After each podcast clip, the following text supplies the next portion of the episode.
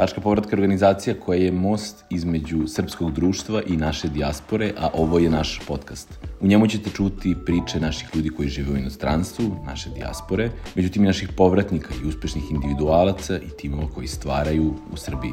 Naša današnja gošća je Tatjana Sljepčević. A evo samo da nabrojim neka od mesta gde je Tatjana živela. Sarajevo, Istanbul, Nica, Brisel, Luksemburg, Strasbourg, Ženeva, Berlin, Poznanj, Varšava, London, Beograd, sada poslednje tri godine Beograd. Neko ko zaista može puno da nas nauči o tome šta znači živeti u inostranstvu i živeti u koferu i biti cirkularni migrant. Sa druge strane, neko ko je napravio ozbiljnu profesionalnu karijeru kao project manager, sada radi u British Councilu, dva mastera, od toga je jedan činnik stipendista na UCL-u dok je živela u Londonu. Sada se bavi NLP-om. Jedna vrlo kompleksna, zanimljiva, inspirativna ličnost koja, kao što sam rekao, može puno toga da nam kaže kako i zašto je birala mesta na kojima je živela, da li je ovo poslednja stanica ili neka tek etapa, tako da nadam se da ćete uživati u ovom razgovoru jedan onako svojevrstan primer kako je moguće skrojiti život i u koferu i svuda na svetu, a i na kraju naći neku svoju bazu.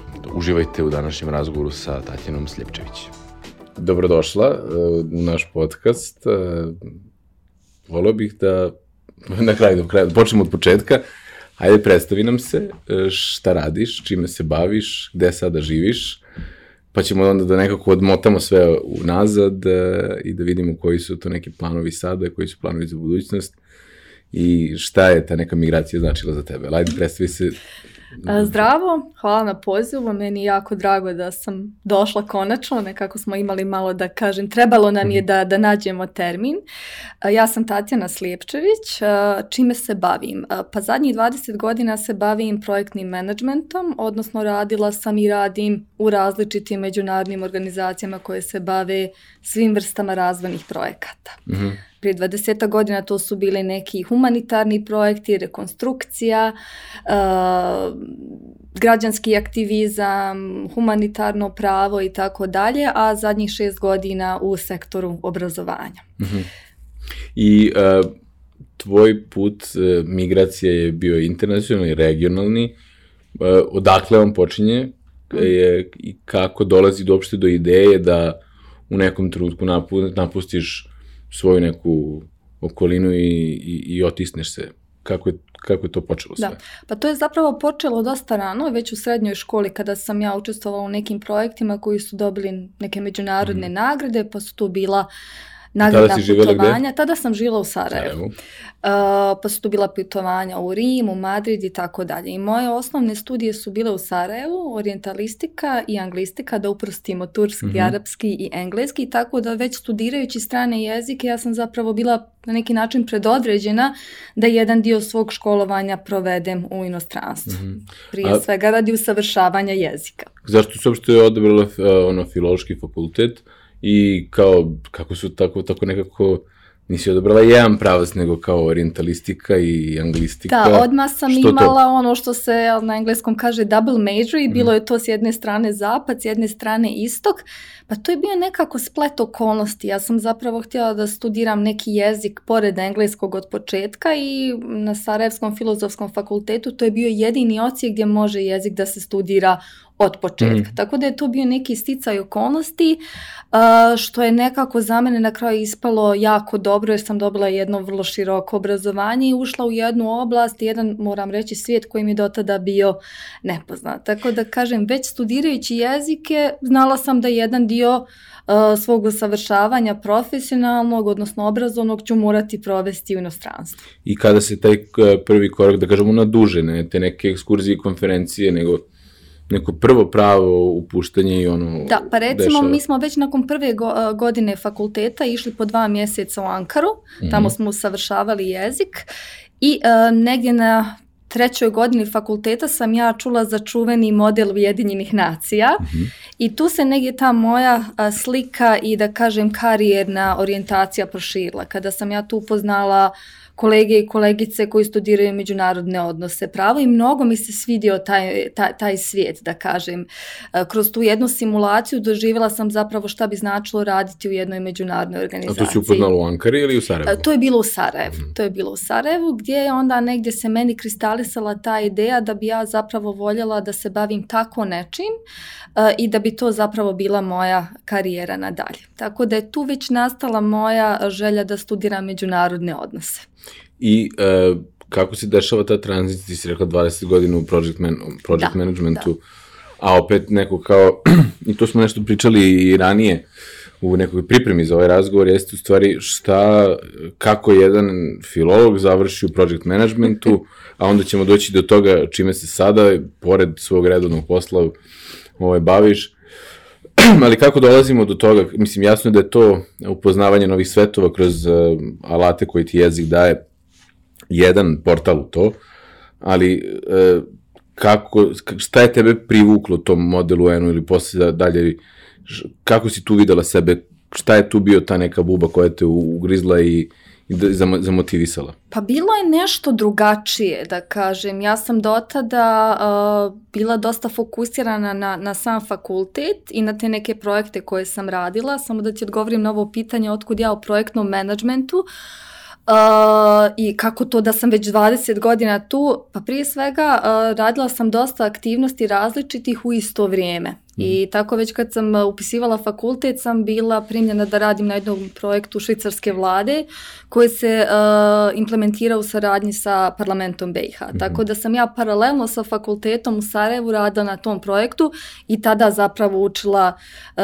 kako se upravlja projektima i kako se projekti uh, prije svega pišu, implementiraju, kako se radi monitoring i evaluacija. Tako da je to vrlo rano de, dakle nekako ušlo u moj u moj uh, DNK tako da mi je kasnije za karijeru bilo ovaj uh, vrlo vrlo prirodno i nekako nastavak tog mog profesionalnog puta.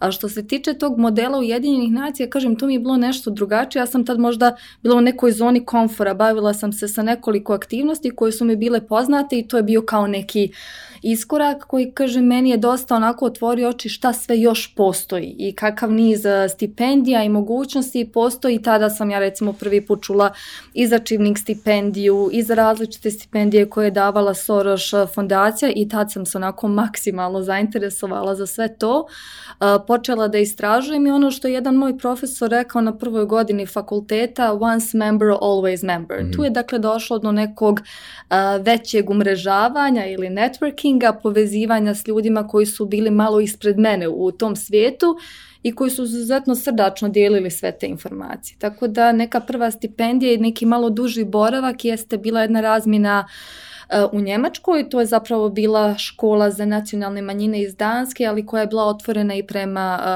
građanima drugih zemalja. Mm -hmm. To je mhm. bilo u Flensburgu gdje su se između ostalog izučavale uh, i oblasti poput prava, Evropske unije, međunarodnih odnosa i tada sam bila prvi put četiri mjeseca gore na sjeveru Njemačke, skoro, znači, skoro to je danska, danska škola u Njemačkoj yes. koja je otvorena za Za, kao...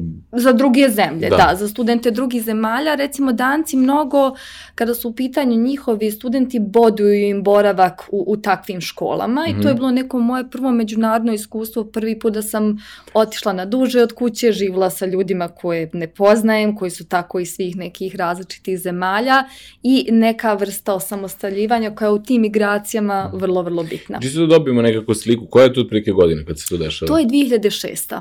2006. Uh -huh. I sada, jer ono što je nekako naš cilj kroz, kroz ove razgovore, da neko shvati da postoje neki različiti putevi ili putevi koji, koji završe nekim drugim mestima, da jednostavno da ljudi mogu da se kroz vaše neke iskustva i priče, tvoje i drugih govornika, da mogu i sami da pronađu svoj put. Kako, ajde kažemo, kroz te radne organizacije, to kako uopšte dolaziš do te neke škole i šta su neki prvi utisci, šta su neke prve uh, nakon četiri meseca tamo, kako si ti tamo osjećala, koje su neke impresije koje si ponela i donela nazad u Sarajevo? Mm -hmm. Pa tada znači nije bilo Facebooka, tada nije bilo nekog lakšeg dijeljenja informacija, postojale su određene Yahoo grupe i onda su se tu razmjenjivale informacije, to je bio kao neki newsletter gdje bi ja onda to onako vrlo revnosno svaki dan ili svaki drugi, treći dan pregledala i uh, prijavila se na tu jednu školu, onako vidjela sam da ispunjavam uslove, oni su meni vrlo brzo poslali uh, pismo, odnosno mail da sam primljena i onda se ja pakujem. To neka stipendija kao da, bila? Da, da, da, to je bila stipendija danske vlade. Ja moram reći da sve što će posle slijediti, o čemu ćemo razgovarati, je bilo zahvaljujući stipendijama. I to je bilo, dakle, prvi put susret sa nekim inostranstvom, neki duži boravak u inostranstvu i za mene je to bilo jedno izuzetno pozitivno iskustvo. Mm -hmm I to je bila samo još jednom potvrda da ja želim da imam mnogo takvih iskustava. Jasno.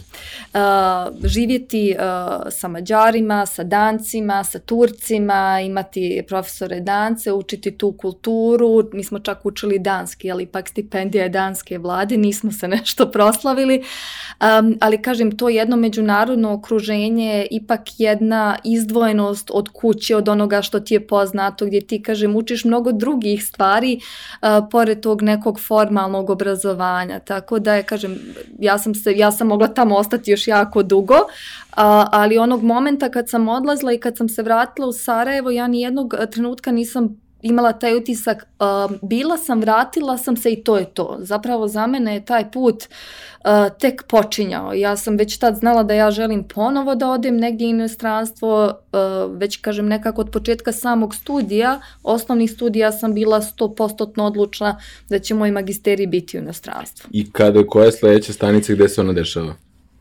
Gde i kada? U sljedeći, sljedeći veći korak je bio moj uh, prvi magistarski 2008-2009 koji je bio jedan rotirajući program uh, Istanbul, Nica, Berlin pa nazad u Istanbul sa nekoliko studijskih putovanja. I to je bila jedna godina, znači uh, kad se ja nisam vraćala kući, znači tu cijelu godinu sam provela E, seleći se po svijetu, grupa od 25 ljudi, izuzetno koja si internacionalna. Da, da, da, mi, se, mi smo grupa koja studira zajedno, ne živimo zajedno, ali da kažem, izlazimo zajedno, selimo se zajedno, žalimo se jedni drugima zajedno, šta ne valja i uh, slavimo rođendane tako, svađamo se, volimo se, sve to što nosi taj jedan međunarodni zajednički život.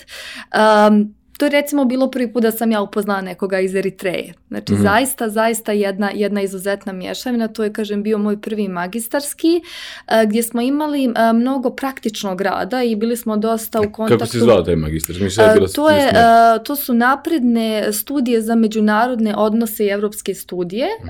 Taj institut se nalazi u Nici Mislim, mm -hmm. mi možemo poslije podijeliti neke linkove i tako dalje. Možemo dole da stavimo, da. Da, da, da, čisto da ljudi, što ti kažeš, imaju više informacija. Uh, ja sam već tad bila dosta, da kažem, verzirana kad su u pitanju te aplikacije, da se mnogo rano počne, da se rano prikupe preporuke, da se napišu ti istraživački radovi i tako dalje. Tako da mi sam proces apliciranja nije, nije bio uh, strani. Tako da i to bilo jedno vrlo pozitivno iskustvo. Naravno, uh, um, uvijek ima i nekih prepreka i nekih momenata koji ti se ne dopadaju, ali da kažem da kompletno iskustvo jedno 90-95% je bilo izuzetno pozitivno i nešto što jednostavno mijenja život i mijenjate stvarno na nekom uh, ćelijskom nivou. Pogotovo biti izložen toliko različitim zemljama, toliko različitim kulturama. Um, moja, moj prozor u Istanbulu je gledao tamo na onaj zlatni rog, mm -hmm. na plavu džami. U Nici otvoriš prozor, gledam tamo na more. Cijela obala, da. Da, da, da. Tako da ono što su i tvoji neki raniji sagovornici govorili, to jeste studij, ali jeste jedno zaista i uživanje, ja moram da kažem, jedno bogatstvo životno um, i, i ta jedan, da kažem, jedna socijalna komponenta kad ti često mijenjaš uh, mm -hmm. okruženje i prilagođavaš se novim zemljama od prevoza prevoza, dozvole boravka, hrane, klime i tako dalje. A ima li nečega što, na čega recimo nisi bila pripremljena u tom odlasku opet nekako kao neka preventivna mala škola koja bi nekome značila, mhm. jer jasno je da je utisak taj da je to 90-95% da, stvari da. bilo fenomenalnih da. i ono svaka preporuka za takav neki iskorak u život, ali Šta su recimo to, ali možda čak ni to, ajde, možda šta, da li postoji neki kulturološki šok kad si se vratila nazad u nekom trenutku u Sarajevo, ili neki šok kada si, dok si nešto što je bilo neočekivano na samom putovanju? Da, tokom samog mastera u jednom momentu smo se svi malo morili od tog seljenja i pogotovo to bilo nekoliko, nekoliko studijskih putovanja i mi kad smo se konkretno preselili u Berlin, nakon tri sedmice smo već išli u Poznanj mm -hmm. i tad smo svi rekli ne želimo da putujemo, ono, ne, nećemo neću, da neću putujemo. Neću da vidim, da. Apsolutno, što da mi je neko rekao da ću to da kažem, da ću to da izjavim u svom životu, rekla bi nema šanse. Šta je bilo nešto što ja nisam očekivala, jeste da u toj našoj maloj grupi je negdje u jednom momentu došlo do zasićenja. Mm, da. Bili smo previše upućeni jedni na druge, tako da mislim da je jako bitno uh, da kad si u sklopu jednog programa mm. imaš dodatne neke uh, mreže podrške jasne, i druženja jasne. i to da nisi uh, usmjeren samo na tu jednu grupu jer onda kažem tu dođe do jednog zasićenja tako da je to negdje meni kasnije bilo naravoučenije za, za druge neke studijske mhm. programe mm. da se obezbijedim sa nekim sadržajima sa nekim poznanstvima koji će me malo i, i, kruga, da, da. izmjesti iz, iz te jedne ovaj grupe ljudi koji jesu divni ali kad si s nekim svaki dan kaže, malo ono bude da. preko glave u jednom momentu. A što nakon tih studija biraš da uradiš još jedan ono, master, a ne da, da, da se baviš, da dodiš na doktorat? Da. Uh, Pa znaš kako, ja čisto donosim odluke u životu dosta unaprijed, tako da i prije tog prvog magistarskog ja sam znala da hoću još jedan magistarski. Da bi bila uh, u mogućnosti da studiram još jednu oblast, drugu, da bi mogla da živim u nekoj drugoj zemlji i nekako najiskrenije sam bila gladna tih iskustava i tada mi je bilo ajmo još jedno iskustvo, ajmo još jedan magistarski, ajmo još jedno usavršavanje. Um, kada govorimo o tom nekom kulturološkom šoku, ja sam nakon prvog magistarskog samo uh, bila tri sedmice u Sarajevu u jednom izuzetno dobrom periodu. To je bio avgust kada se tamo države Sarajevo Filmski Film Festival i sve, da, i da. sve je divno i krasno. Ja sam nekako proplesala i otišla za Washington. Uh, Tada sam... To, kao što obično biva nakon Sarajeva film festivala, malo se prošetaš da... Da, i onda kao spakuješ ponovo ka kofere, odješ u Washington. Tada sam dobila uh, stipendiju Fonda za američke uh, studije, čiji sam stipendista bila ranije na nekim kraćim programima. I to je bio jedan program koji se zove Capital Semester, gdje sam bila na školi za nastavak studija za javne politike. Dobro. I paralelno radila uh, praksu. Gde ti je bila praksa? Sve je bilo u Washingtonu, ne, bila, ne, aha, da, da, a, na Institutu za svjetsku politiku. Uh mhm. -huh. Tako da je to baš bilo neko izlaganje na jednom drugom, reći ću, američkom nivou ili iz američkog ugla uh, toj jednoj oblasti u kojoj sam dotada bila i tu već negdje, da kažem, formirana ideja, odnosno iskristalisana ponovo šta bi mogao da bude drugi master. -huh. Po povratku u Sarajevo jesam doživjela taj neki kulturološki šok, pogotovo što sam se vratila u Sarajevo u decembru mjesecu. A, nije bilo Sarajevo film festivala, nije bilo ljeta, nije bilo žurki, nego se vraćam u maglu i ono... Vidi, i decembar je bolji nego februar. Znači, jeste, ali februar... znaš kako, decembar, praznici, niko ne zapošljava i ono, kao potpuno prelaziš u nešto drugo, u neku drugu dimenziju, kao čekaj, gdje je onaj moj život u Vašingtonu, gdje da. su gdje su sve one priče, gdje su svi oni okrugli stolovi, ne znam, sastajanja, druženja, izložbe i tako dalje. Ali imala sam sreću da se brzo, brzo zaposlim um, i tad sam krenula na jedan istraživački program uh, baš za izučavanje javnih politika. Dobro. To je bilo stipendirano od strane Soros fondacije i već kroz taj, taj sam program mi je bilo jasno da to jeste oblast u kojoj želim dalje da se profilišem. I onda nekako um, kad si u tom jednom okruženju stvarno stvari samo dolaze jedna na drugu i ti samo upoznaješ ljude koji ti dalje daju informacije, tada je već dostupnost informacija preko interneta daleko lakša. Ja se vraćam na tu Chivning stipendiju uh mhm. -huh. za koju sam jednom aplicirala 2005. pa onda 2012. dvije onako odbijenice i bila je ta jedna godina u Sarajevu 2012. kada sam dobila pet velikih odbijenica. Dobro. Za pet stipendija koje, za koje sam onako zdušno radila, znaš ono kad radiš research proposal, pa skupljaš preporuke, preporuke pa, pa ne znam da... Essay. Ne znam šta, koliko vremena i truda i energije ne uložiš i te godine samo stižu jedna za drugom. Ovo govorim... Mislim da je jako bitna tema o kojoj se jako redko ovaj, generalno, generalno govori, jer nekako super pohvalno i divno pričati o uspesima, Absolutno. ali veliko je i škola pet odbijenica, kao što kažeš. Da, da. da. E, to oslike to što, uh, kažeš, Čivning je bio jedna od njih, koje su još bile Jest. to? Pa tu je bila uh, i za Humphrey Fellowship, bila jedna istraživačka stipendija za uh, Soros fondaciju u Njurku, bio jedan program u Švicarskoj i ovo namjerno poentiram zato upravo što kad ovako pričam, sve izgleda izuzetno lako i to malte ne dolazi na vrata jedno za drugim, ali uh, bitno je naglasiti da tu treba stvarno dosta truda i strpljenja, da se rezultati često isplate, jel tako, da budu vidljivi, ali da ima i onih perioda kada ništa, kada ništa, ništa ne ide, da. kada da. ništa ne ide. I šta je to, ajde, sad malo to ima tu vremena, to deseta godina već kako se to desilo, ovaj, da.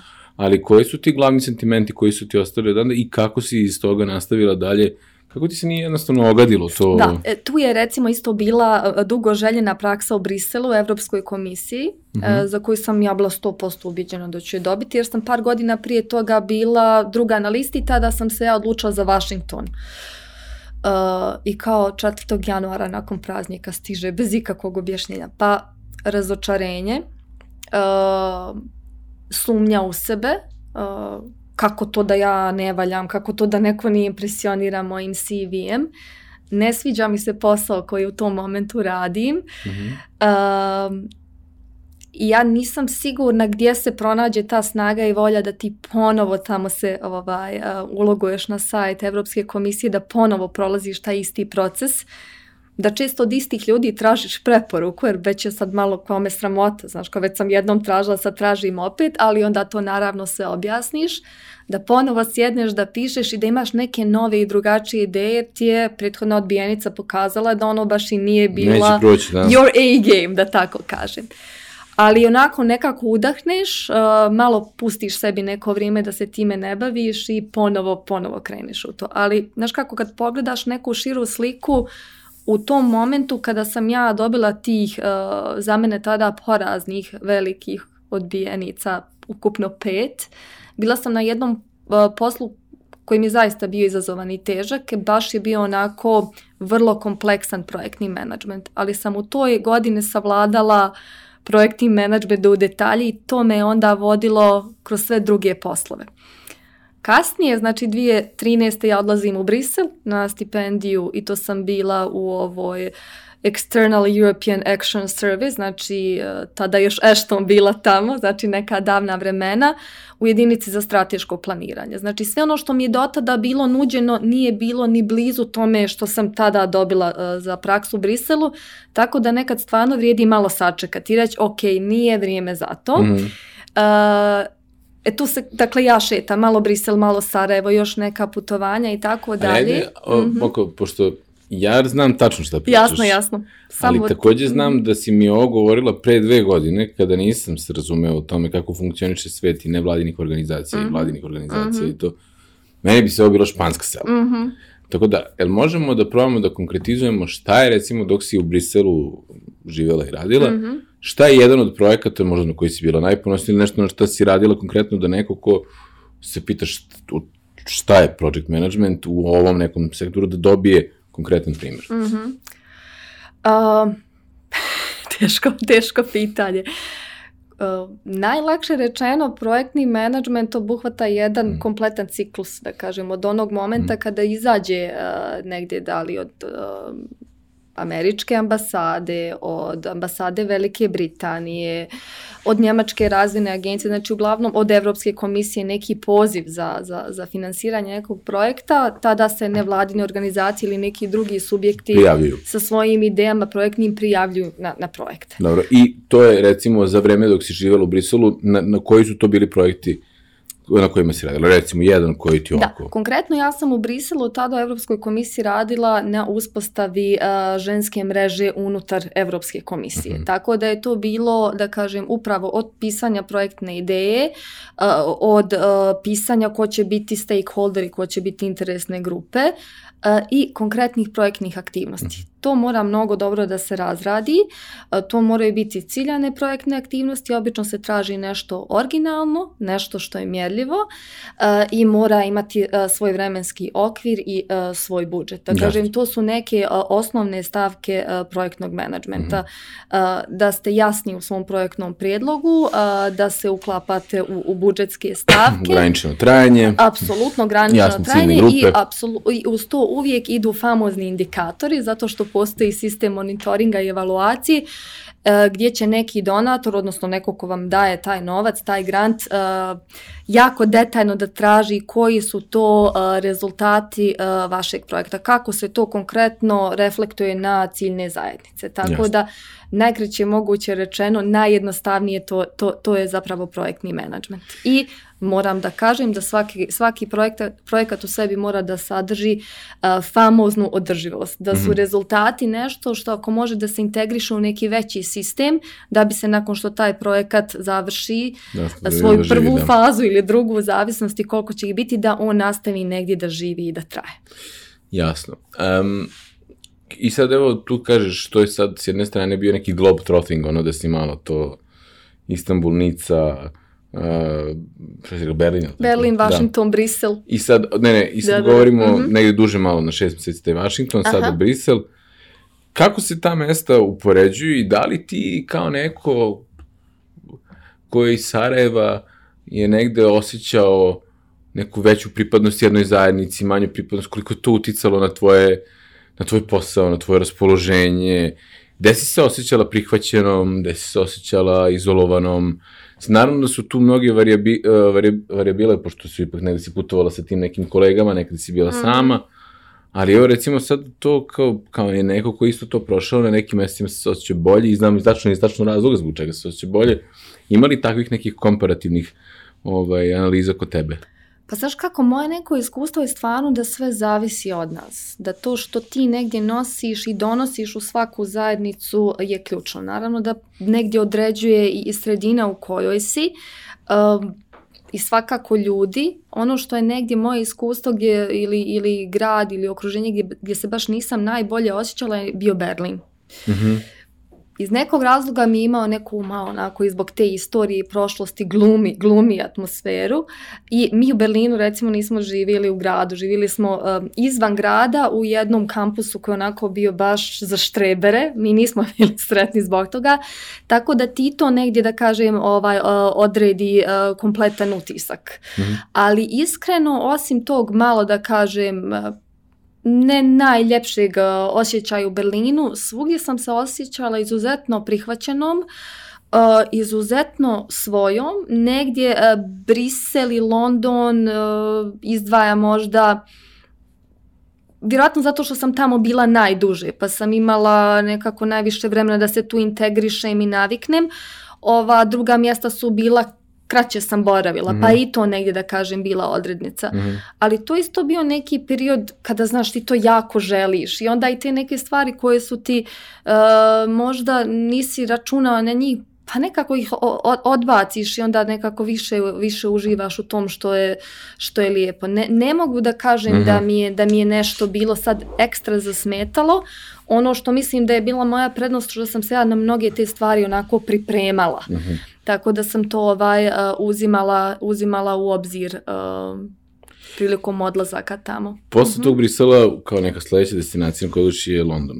Jest, e tu je bio... Uh Samo, tu bih postavio, pošto mislim da je ovo jako bitno da nekako, da ovde možemo jedna, jednu kaplicu znanja da izvučemo. Uh Koliko je teško prijaviti se za Chivning? Rekla si da nekoliko puta si to ovaj, dobila odbijenicu. Uh, šta je to značilo za tebe? Koje je i šta je koje, koje je tvoje iskustvo koje nosiš sa, mm -hmm. sa poste, u, sa, mislim, na životu i studiranju u Londonu? Da, pa znaš kako, uh, nije samo Čivnik bio ta uh, neka stipendija ili neki program u inostranstvu gdje sam ja morala malo više truda da uložim. Mm -hmm. Ja sam i za Brisel, za Evropsku komisiju uh, imala mm -hmm. dvije odbijenice. Um, i ono što je, da kažem, za mene tu ključno bilo stvarno negdje ono naučena lekcija, da malo se zagledaš u sebe i da kažeš okay, koji su to neki koraci koje sam ja propustila, što je bio moj pristup i kad sam treći put aplicirala za, za Evropsku komisiju, ali i za Chivning. Naravno, ti procesi apliciranja se mijenjaju, oni se ili usložnjavaju ili se pojednostavljuju. Za mene je ključno bilo, da kažem, koji su koraci bili ranije koje sam ja preskočila ili sam ih olako shvatila i da ovaj put stvarno počnem baš onako na vrijeme, da proučim sve tamo na sajtu, da sve skupim preporuke i tako dalje i da skoro ništa ne, ne prepustim slučaju. Mm -hmm. uh, drugi put, uh, kad sam aplicirala za čivning, ja recimo nisam aplicirala za uh, fakultete. I tad je to u kriterijumima bilo postavljeno kao može i ne mora, međutim ja kad sam došla na sam intervju, koji je tada bio 15 minuta, to je bila 2012. što je za mene bilo onako šta neko može da sazna o tebi za 15 minuta. Uh, vidjela sam da je zapravo ta, uh, to da li si primljena na fakultet ili ne, zapravo vrlo bitno. I to mi je negdje ostalo. Uh, I to sam pripisala sebi onako vrlo iskreno kao svoju grešku. Tako da kada sam aplicirala za čivning, pošto prvo e, se aplicira za stipendiju, to mi je bilo najbitnije, jer mnogo moraš da pratiš i rokove kad šta dolazi, da tako mm -hmm. i ti mhm. pratiš te, te rokove da predaješ te aplikacije. Kako sam predala aplikaciju za čivning, jer čivning je samo stipendija. Mm -hmm. Ti samo moraš da apliciraš na fakultete. Uh, Sutradan sam već krenula da apliciram na fakultet i moraš da apliciraš na najmanje tri fakulteta. Tako da onog momenta... Naj, mislim, ne, najviše tri, za ne? T, da, najviše u stvari, da, da, da, upravo si davno bilo, pa malo ne. ne mogu svega da se sjetim, ali kažem, vrlo sam ozbiljno pristupila tome I onog momenta kad sam ja došla na intervju, ja sam već bila primljena na dva, na dva fakulteta, mm -hmm. na UCL i na Queen Mary. Za Oxford sam čekala odgovor, ali znaš kako, ti već dolaziš sa nekim tamo pismom gdje ti je neko rekao ti si primljen. I ti si, da, to je neka ja, validacija, ti si strava. Apsolutno. I, znaš kako, ja već ulazim na taj intervju da sam ono, ja dobila tu stipendiju. Već ti je samopouzdanje mnogo, mnogo drugačije. Um, ja sam onako isto se nekako u glavi pripremila za taj intervju, udahnula par puta duboko prije nego što sam ušla, ali s druge strane i uslovi samo konkursa su se promijenili.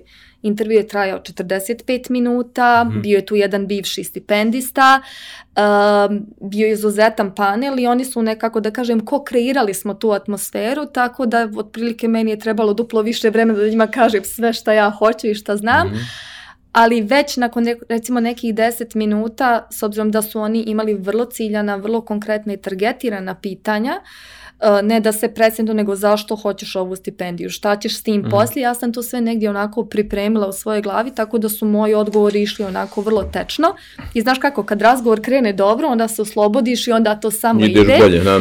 Uh, I onda negdje onako na kraju razgovora oni mene pitaju kao bil nešto si aplicirala za neke fakultete, ja kažem da da primlja sam na dva fakulteta i kažem ono za Oxford samo trebam da radim još uh, onaj test jezika, ali rekao UCL je moj prvi izbor gdje meni uh, tu uh, tad je on bio zamjenik ambasadora, mislim, ili kulturni ataše, govori, ma ti ćeš ići na UCL vrlo jasno, vrlo da, indikativno i tu sam ja ono izlazim potpuno sretna sa kako se zove tog intervjua.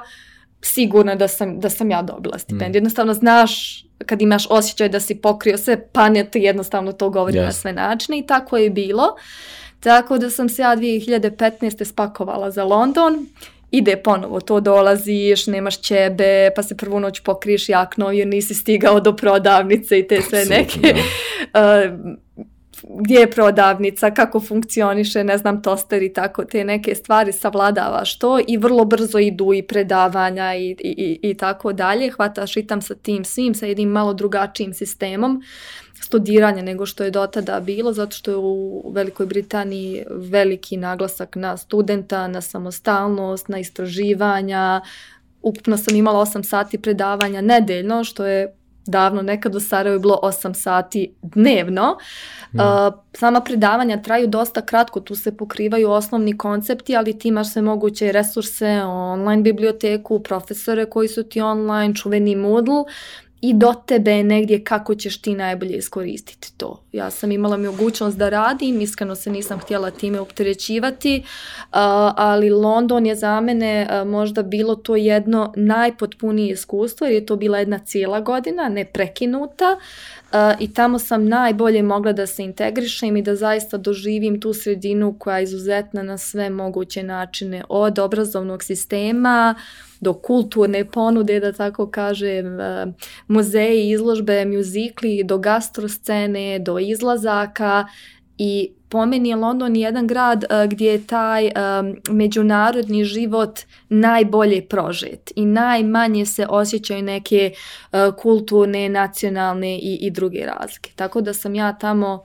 zaista uživala na sve moguće načine.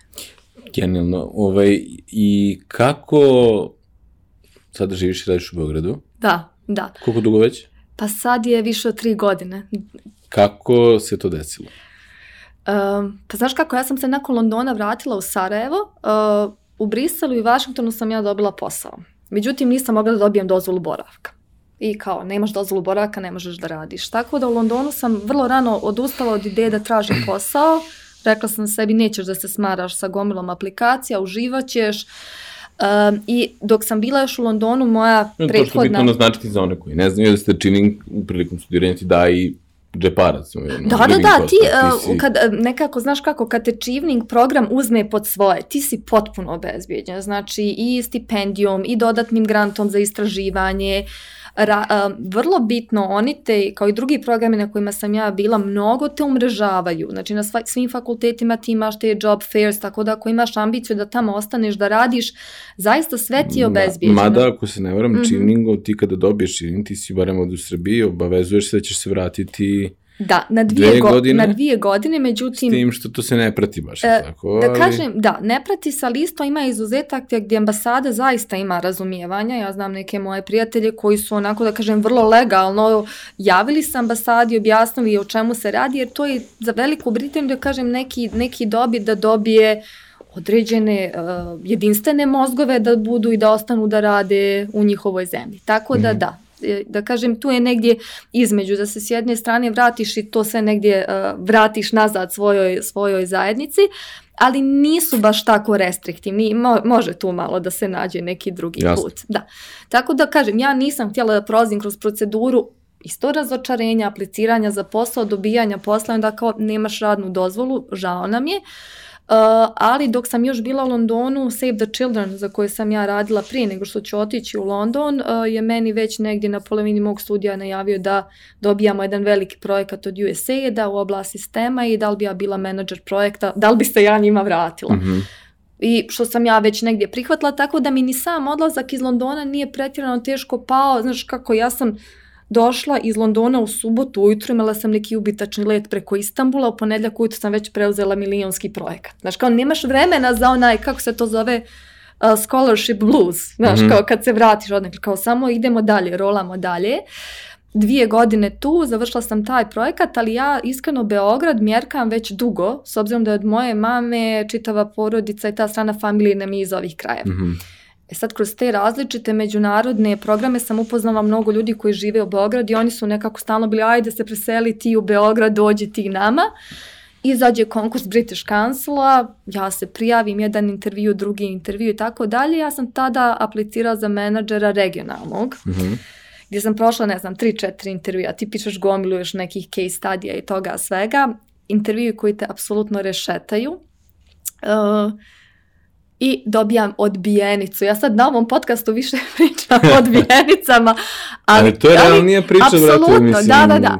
E sad pazi, ja, da ja, da, tome ja, već dajem, ja već dajem otkaz na prethodnom poslu, hoću da se selim u Beograd i tako. Uh, dobijam odbijenicu za posao na koji sam aplicirala i kao do, i to je dobijam na dan kad idem na odmor u Maroku. I kao šta sad ja mogu da radim? Da li da žalim i da sam nesretna zbog te odbijenice ili da idem u Maroko, doživam pa ću onda da smislim Mislim. nešto kad se vratim. Uh, ali stvarno ti neki, te neke stvari funkcionišu čudesno uh, zato što ja sam ljudima na intervju za British Council za taj projekat rekla ja imam srpsko državljanstvo, ja svakako planiram da se selim u Beograd, pretpostavljam da ćete imati i druge pozicije, odnosno country menadžere, ono kao računajte na mene. Mi tamo u Maroku, ja zaboravila da postoji British Council, uživamo negdje u Chefchaouen i tako. Meni, mene zovu iz British Councila, dobar dan, dobar dan, tako da ne dužim priču. Jasni. Bili ste zainteresovani, prošli ste sve one intervije, da li biste bili zainteresovani da budete country manager za Srbiju? Da, rekao, znate što, ja sam u Maroku trenutno, čim se vratim da dođem da potpišem ugovor i tako dalje. Znači, ponovo još jednom, vrlo brzo se sve dešava, ja se vraćam s tog odmora, potpisujem ugovor, rastajem se u prethodnoj firmi, uh, selim se u Beograd uh, i kao tamo piše formalno da će imati neki uvod induction, to se naravno ne dešava jer prvi dan radni ja sam u već u dva popodne na regionalnom sastanku, znaš kako već se kasni sa svim rokovima, upadam mm. u fullu implementaciju i tako dalje, tako da tu mora da se bude mnogo, mnogo fleksibilan. Tako da, kažem, tu su stvarno nekako ono jedna za drugom ili back to back aktivnosti i događanja i meni je pored svih odluka koje sam donijela u životu i svih tih nekih uh, preseljenja, uh, odluka da se preselim u Beograd bila najbolja u životu. Tako da, Dobro. tako da tek meni Beograd ima tu jednu uh, crtu uh, gostoprimstva, da razlike ne postoje, svi smo svoji. Uh, ja sam se uklopila instant, nedavno sam kupila i stan, obnovila sve rodbinske, prijateljske kontakte i tako dalje. I onda isto tako su mi se i u Beogradu otvorile neke mogućnosti. Beograd po meni ima neke vrlo čudne vibracije gdje ti se još više nekako putevi uh, otvaraju, gdje upoznaješ ljude, mislim gdje srećem ljude iz osnovne škole tamo negdje u Makedonskoj s kojima se nisam čula i vidjela svi putevi nekako dovedu u Beograd. Uh, tako da kažem tu su se onda počele dešavati i neke druge stvari, neka moja dodatna paralelna karijera gdje nekako u pripremi smo pričali mm -hmm ja mnogo uh, insistiram na fleksibilnosti i na tome da kad se odlučiš za jednu traku, za jedan put, to može da bude par godina. Kod nas mislim da to još treba negdje da se razmrda, da ima malo tog tradicionalnog gledanja. Znaš, ono kao zaposlio si se u jednoj firmi i tu si do kraja života, odnosno do penzije. Uh, ako si studirao jedno, ne mora da znači apsolutno da će master da ti bude to, ne mora da znači da će karijera da ti bude to. Malo smo evo pričali o jezicima, nažalost znanje mog turskog jezika nikad nije bilo korišteno, ali moj život u Istanbulu meni je donio jedno ovaj drugo, drugo bogatstvo. Da. Tako da sam ja negdje u jednom momentu uh, skrenula i u neke druge vode i paralelno sa poslom kojim se trenutno bavim u British Council, a to je šta drugo nego upravljanje projektima u oblasti obrazovanja jedan izuzetan regionalni projekat reforme osnovnog školstva, počela da se bavim i neurolingvističkim programiranjem i coachingom. Da. Ne, stvari sam nešto sam i mozak mi lutao mm -hmm, sa time mm -hmm. na, na ovaj, na, na koje projekt, bez što mi i ovako kažem, interesujemo da znam kako to izgleda, kako se to British Council bavi. Ovaj... I hvala ti na tom pitanju. Da to, da. Hvala ti na tom pitanju zato što mi to često, ne samo meni, nego i mojim kolegama i kolegicama uh, postavljaju ljudi koje susrećemo, zato što British Council ima taj jedan jak brand uh, kulturne razmjene i toga da radi ove je, um, ispite za, za engleski jezik, mm -hmm. IELTS, Cambridge i to, i to stvarno jeste nekako osnovna djelatnost Core British Council, apsolutno. Da. Međutim, uh, unazad, ja sad ne znam tačno uh, koliko godina, British Council je razvio jednu uh, paralelnu traku. Vidiš, i oni nekako od, odstupaju od onog što im je um, inicijalno u, u opisu poslova. Uh, e, implementiraju različite projekte u različitim oblastima, pravosuđe, kultura, generalno Obraz, društvo, da. civilno društvo i obrazovanje. Tako da... I kako recimo, šta je to, ajde, opet, kroz mm -hmm. ja stalno u tim nekim primerima, da, da. šta to znači za, za te neke osnovce? Znači, jako puno, sad bi nam trebalo šest podcasta da ja o tebe pričam, ali evo ukratko ću, uh, mi saradnji sa institucijama, što je vrlo bitno opet radi održivosti, uh, radimo reformu školstva na taj način da se uh, razbija jedna stara nastavna paradigma. Mm -hmm. To je ono učenje na pamet, naučiš lekciju na pamet, ispričaš, zaboraviš. Ne. Kako je to, kako je to mm. ovaj, u fokusu, zbog čega je to recimo u fokusu British Council na neke naše e, klince usmerava da. u tom Znaš pravcu. kako British Council sa Srbijom ima saradnju od 46. godine i ona je prolazila, mm -hmm. prolazila, prolazila različite faze i da kažem stvarno je tu stvorena neka, neki prijateljski odnos i kao jedna organizacija i kao vlada strane zemlje koja je ovde jako dugo prisutna, oni su uvidjeli tu potrebu da ovo bude tržište gdje će oni da kažem uraditi neke investicije, odnosno pružiti donatorsku podršku. Jasno. Tako da, uh, konkretno čega se projekat sastoji jeste da mi, što je izuzetno bitno, radimo sa svim osnovnim školama na Zapadnom Balkanu. Sve sa svim. Sa svim. Uh, ja sam u ovom poslu 20 godina, ovo je jedinstvena intervencija da se radi nešto tog tipa, uh, da su obuhvaćene sve škole i da se radi, znači... Kako? Fino, fino, jednostavno. sve škole prolaze, sve škole prolaze taj uh, program. Nastavnici svih škola prolaze naše obuke. Online? Uh, uh, uživo je bilo do korone, onda smo prešli na online. Čekaj, svi nastavnici u svim školama ne, na Zapadnom Izvini, znači sve škole uh, prolazi određeni broj nastavnika, okay. trening, ali onda se ide da kažem horizontalno učenje, to se spušta na sve škole. Dobro, znači svaka škola ima svog predstavnika? do 10 predstavnika. Što ima škola u Srbiji?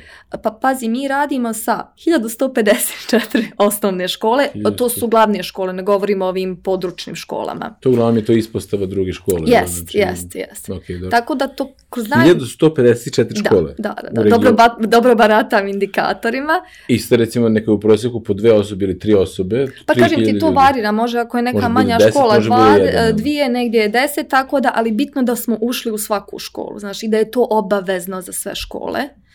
Dobro. I onda to je jedan trening, jedno mentorstvo koje nastavnici prolaze, kritičko mišljenje, rješavanje problema kad, plus programiranje. Kad Mislim, kad...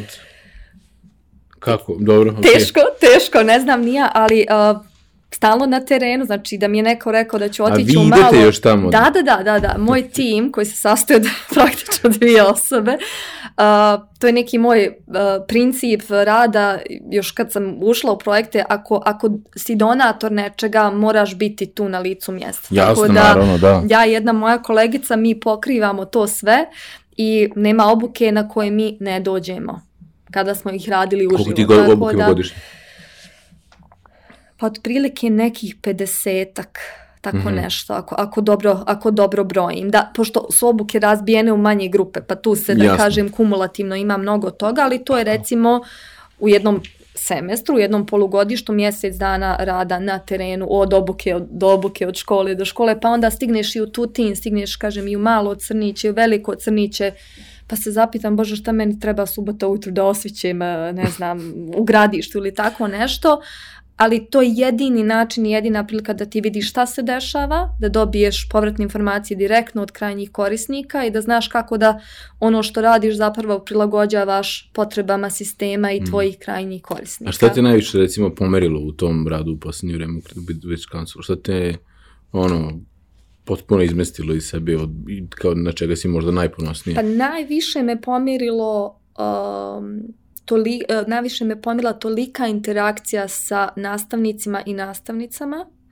uh, i ipak njihov entuzijazam i želja da bez obzira na sve prepreke rade s tom djecom, uh, da im pruže neke druge mogućnosti i neka njihova srdačnost kad bi ja ili moje kolege dolazile na te njihove obuke.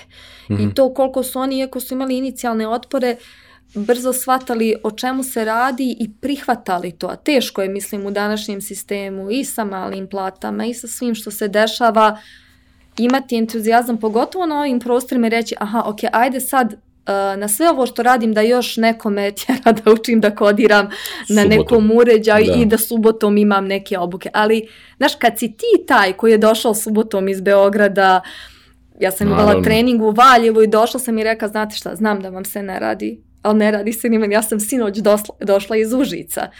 I ta neka interakcija, ta jedna uh, ljudska toplina i srdačnost i to kad ti ljudi prigrle program, meni je to bilo to onda jedno, u jednom trenutku stvarno prirasta u neko, u neko prijateljstvo. Da. I kad ti, dakle, šta je finalno, kad ti vidiš neko dijete uh, u nekom bojniku koje je došlo i reklo meni ovaj program promijenio život. Ja sad hoću da programiram. Mm-hmm. Kad je zbog te neke spravice koju si mi ti, ti dao za programiranje, ono odjednom vidjelo da si mu otvorio neki prozor, a ja koja sam prošla ta studija vani i to sve znam šta je sve moguće. Eto to nešto što ti mm. kažeš, neki klinac, neka klinka je dobilo tamo neko svjetlo, dobilo neki poticaj, neki motiv, vidjelo je šta sve može i dao si mu neka krila, dao si mu, dao si mu neko svjetlo tamo. Tako da je to negdje onako što te stvarno emotivno najviše dotakne. Jasno, jasno.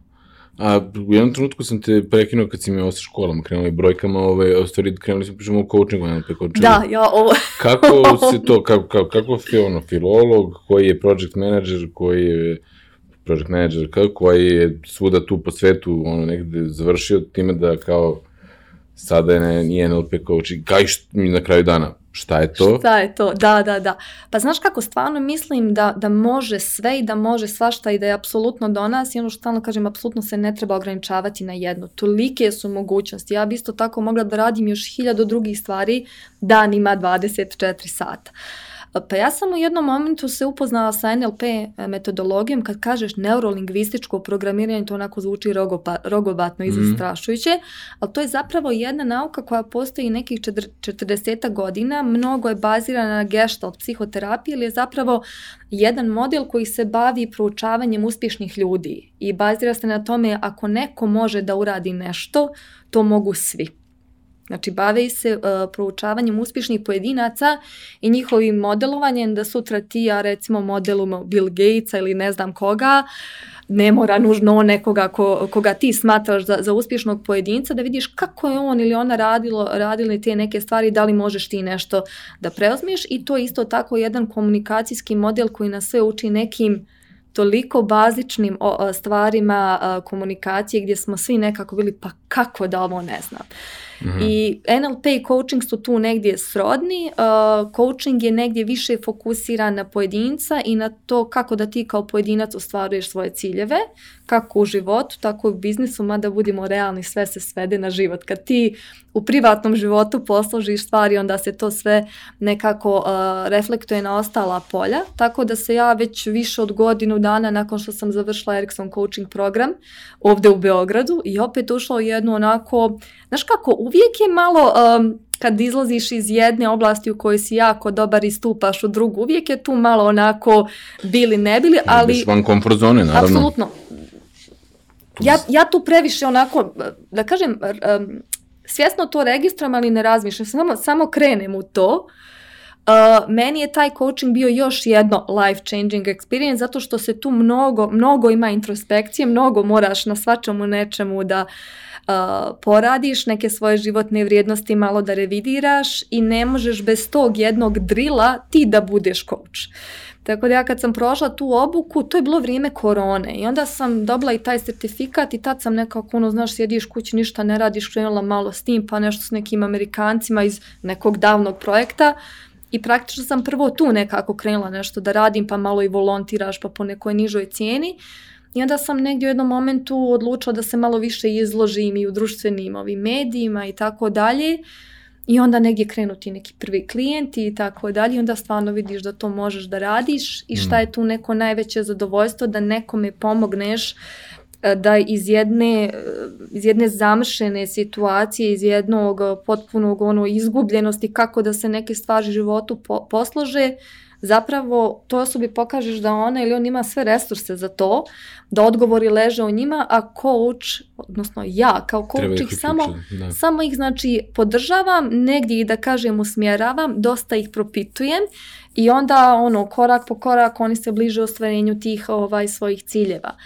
Ono što mi se recimo tu često dešava i vraćam se na jedno tvoje ranije pitanje da kad radim s klijentima imamo određenu, da kažem, skalu vrijednosti, neka određena pitanja gdje oni zapravo sebe mogu da provjere zajedno sa mnom da li su to stvarno njihovi ciljevi. Mm-hmm. Ili su to ciljevi preuzeti iz uh, okoline ko što je nekad ranije meni bio doktorat. Ja sam bila onako vrlo usmjerena nakon magisterija, ja idem na doktorat mm. i tako dalje. I onda kad Jer sam... tako radi, jel da? Da, da, da, to tako, tako treba. Znaš, ono, mm. završiš fakultet, udaš se, rodiš djecu i ne, nema tu je par nekih osnovnih koraka. Ja sam i aplicirala za doktorat na LSU, sve sam ja to razradila i tako dalje, ali već kad sam aplicirala sam bila kao, pa ja ovu stvari i ne želim. I onda sam ja samo sebe propitala i rekla ne, ne, ja ne želim pet godina da provedem na doktoratu, da budem opet student, da budem na stipendiji, da paralelno budem asistent, da jurim prosjek i tako dalje, da živim pet godina kao student, za mene je to previše da odvojim da budem izvan posla, izvan biznis sektora. Tako da recimo sam u coachingu često u situaciji da to propitujem klijente. Um, to je da kažem negdje onako u povoju, ali se, ali se razvija i to i tu isto tako vidiš onda da imaš priliku da sva, sva svoja znanja negdje sublimiraš. Možda ne direktno, ali indirektno. Znači sva moja prethodna iskustva su meni zapravo dala to neko samopouzdanje, upravo to i da ja u jednu potpuno novu oblast uh, uh, iskoračim da meni... no, mnogo lakše nego što bi bez toga svega što sam ranije uradila i iskusila. A što, mislim, šta je tvoj, uh, mislim, jasno je da tu tvoj drive da pomogneš ljudima, da je, da je tu validaciju i satisfakciju trpiš iz toga da si nekome stvarno uticao na život. Mm -hmm, mm -hmm. Ali šta je još tu, ovaj, uh, je li to nešto što bi se, ono, kad, kad želiš da se baviš time, ono, do kraja života? Pa mislim da da. Mislim da da. smo sad definisali da tvari nisu ono, terminalne i zauvek da. i uvek može se adaptiraš i fleksibilnost i nešto da kažeš da ti je užasno važno, ali jel misliš da si ti sad našla neki poziv koji je... Pa znaš tvoj... kako, uh, mislim da ova dva neka moja stuba, jedan malo stariji u projektnom menadžmentu, gdje zaista ima uh, posla, pogotovo u Srbiji ako radiš u obrazovanju. Mm. I to je zaista jedna, jedna velika satisfakcija i to negdje vidim kao svoju primarnu djelatnost i kao svoj primarni poziv, a za coaching stvarno moram reći da kad dobijaš takve povratne informacije jedan na jedan i jednu individu pratiš i sesiju u sesiju, mm. radi se deset sesija, sesija sedmično i vidiš da se taj neko mijenja i budi i da se onda E, čitav e, krugovi ljudi oko te osobe mijenjaju na bolje, e, to nema, to nema cijene. Ja čak yes. neke sesije radim i, i pro bono i znaš kako, nekako onda taj kumulativni efekat, šta je moj neki ultimativni cilj, svima nam je bolje i ljepše, svi smo sretniji, nasmijani i tako dalje. Tako da uh, to mi je da. negdje, jer kažem ti, meni je coaching promijenio život. Ja kada sam na nekim uh, ranijim, kada sam ja bila polaznik i NLP edukacije i coaching edukacije, tada smo postavljali neke ciljeve. Ja sam postavila jedno 6-7 ogromnih ciljeva. Tad je bilo promjena posla, otkaz na poslu u Sarajevu, preseljenje u Beograd, uh, posao u Beogradu, stan u Beogradu, počinjanje coaching prakse. Tih recimo četiri, e, četiri velika cilja sam ja ostvarila u nekih 5-6 mjeseci i ova sad još dva cilja su ostvarena evo nedavno. Znaš, tako da sam ja nekako iz tog svog iskustva ljudi moguće je, to mi je negdje nešto što me, što me potiče, znaš, tako da pogotovo kad ti klijent se vrati nakon tri ili četiri sesije, onda obično nekad na polovini pravimo presjek. Mm -hmm. I kao pogleda, znaš, s čim sam došla ili s čim sam došao, a gdje sam sad. I onda kao, znaš, ljudi stvarno dobiju toliko ambicija i tu se recimo često dešava da ljudi žele da promijene posao, ne smiju i onda uz pomoć različitih alata uspjevaju nekako da to ili urade ili da ne budu tako kategorični. Znaš, nije ili ili, nego je i i. Mm. Može neko da nastavi da radi u banci ali isto tako može svoj kreativni talent, ako nekad je zanemario svoj talent za crtanjem, za slikanjem, ne moraš ti da napraviš sad rezi da ideš, sad ću ja da budem slikar. Ne, možeš da upišeš kurs. E, znaš, e, postoje različiti modaliteti da se naši različiti potencijali, želje i potrebe zadovolje. Tako da, coaching jedna od osnova coachinga upravo jeste i ta fleksibilnost. Tako da kažem, kad malo ljudima pokažeš neku širu sliku ili ih ne vedeš da oni sami dođu do toga, to zaista donosi nije čak ni satisfakcija za mene, to je jedna privilegija da budem dio mm, tog procesa. Da, da, da, Stvarno, je to onako hrana, hrana za dušu. Znači, yes, ja se yes. nakon svake te sesije osjećam uh, baš onako, baš onako ispunjeno. Da, ja to, to je, ja volim recimo da kuvam um, to, i to radio sam to na nekom nivou mislim, radio sam i u kuhinjama, kao ne znam, ga, mm. volontirao, pa i u nekim ozbiljnim jo, kuhinjama. Da, sad me pa... podsjeti na Soup Kitchen u Washingtonu i volontiranje. Aha, to bih volao da čujem, možemo možda eto eventualno posle da mi ispričaš. Važi, važi. Ali taj moment, recimo, se jednom, ono, ne znam, sam sam izbacio 167 obroka za ručak. Wow. I ono, seo posle, ono, nije mi dobro.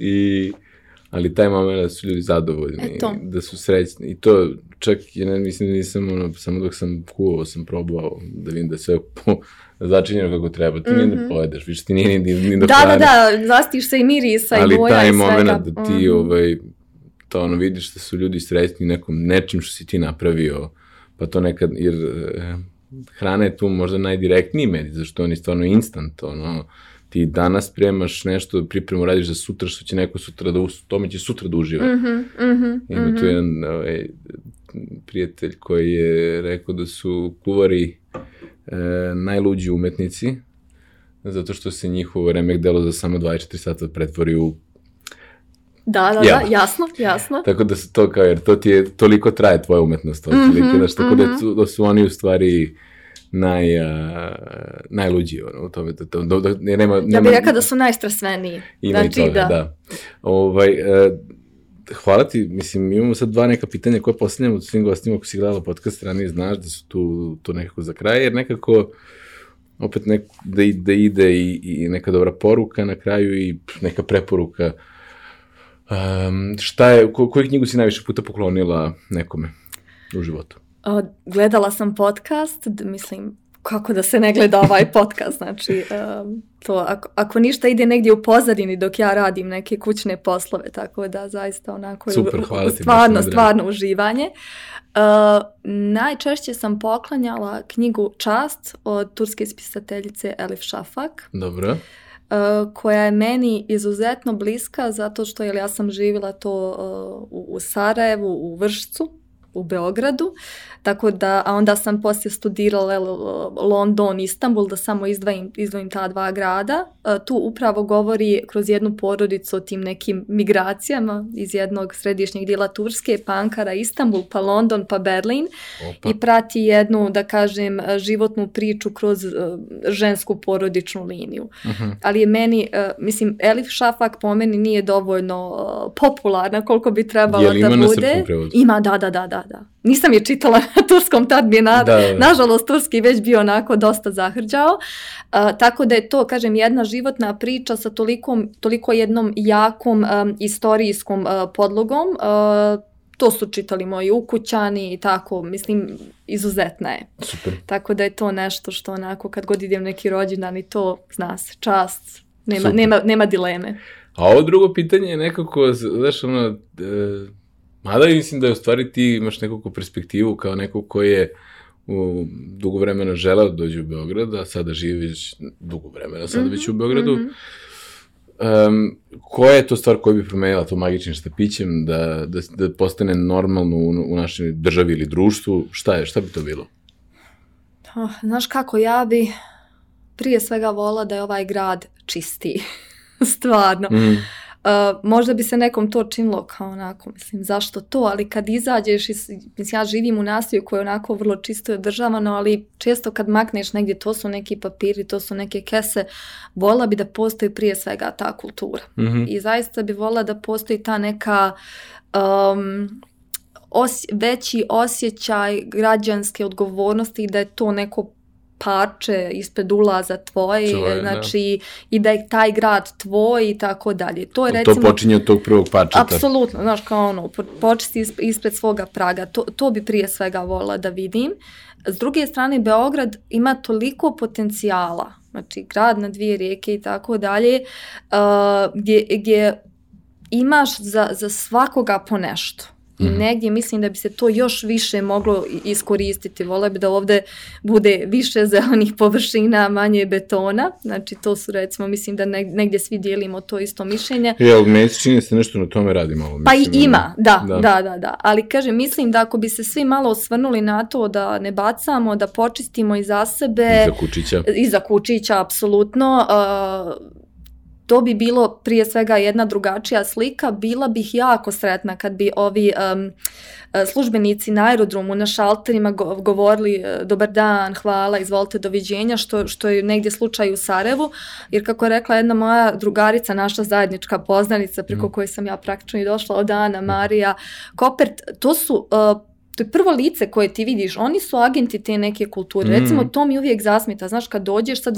zamišljam da li to mi strancu nekom ga tako mrsko pogleda ili to tako zato što smo, mi smo svoji. Znaš, malo nekako da budemo svi uh, za jedan stepen uh, ljubazniji, obazriviji, iako ja stvarno u Beogradu ne srećem te neke uh, ljude koji su nešto pretjerano nervozni, ali tu i tamo. Znači, mislim da bismo svi Jel voziš automobil? Ne, ne. E. to je, znam da mi je to, znam da mi je to prednost. Ja uglavnom, ja uglavnom pješačim. E, tako da, kažem, to su neke sitnice, ali one bi mnogo, mnogo svima nama značile. Tako da, eto, kažem, bazično je, to sam viđala i po regionu. Mhm. Ono što je super negdje, kad je Beograd u pitanju, sad da, odemo na neku pozitivnu stranu, da i dalje neki centar i da i dalje okuplja, da i dalje postoje te neke razmjene i da ono recimo što je neko moje iskustvo i možda i poruka da jesmo mi dosta bili usmjereni na te neke migracije kad je u pitanju inostranstvo i naše matične zemlje, naši rodni gradovi, ali migracije i kretanja unutar regiona, kad kažem region naravno da mislim bivša Jugoslavija, su nešto što isto tako ima jako puno potencijala i od čega apsolutno ne treba e, ne treba bježati. Tako da, eto, kažem, ja sam imala izuzetno dobro iskustvo s Beogradom, tu se negdje vidim, ali neka prilika da odem u Skoplje ili tako ne. negdje ne bi apsolutno ovaj, je odbila. Tako da. Hvala ti puno što si bila gošća na našem podcastu uh, i hajde da, da se odjavimo pa da mi ispričaš to super. hvala tebi, hvala na pozivu kao što su rekli svi prethodni sagovornici i sagovornice, zaista istinsko uživanje. Hvala ti puno, hvala.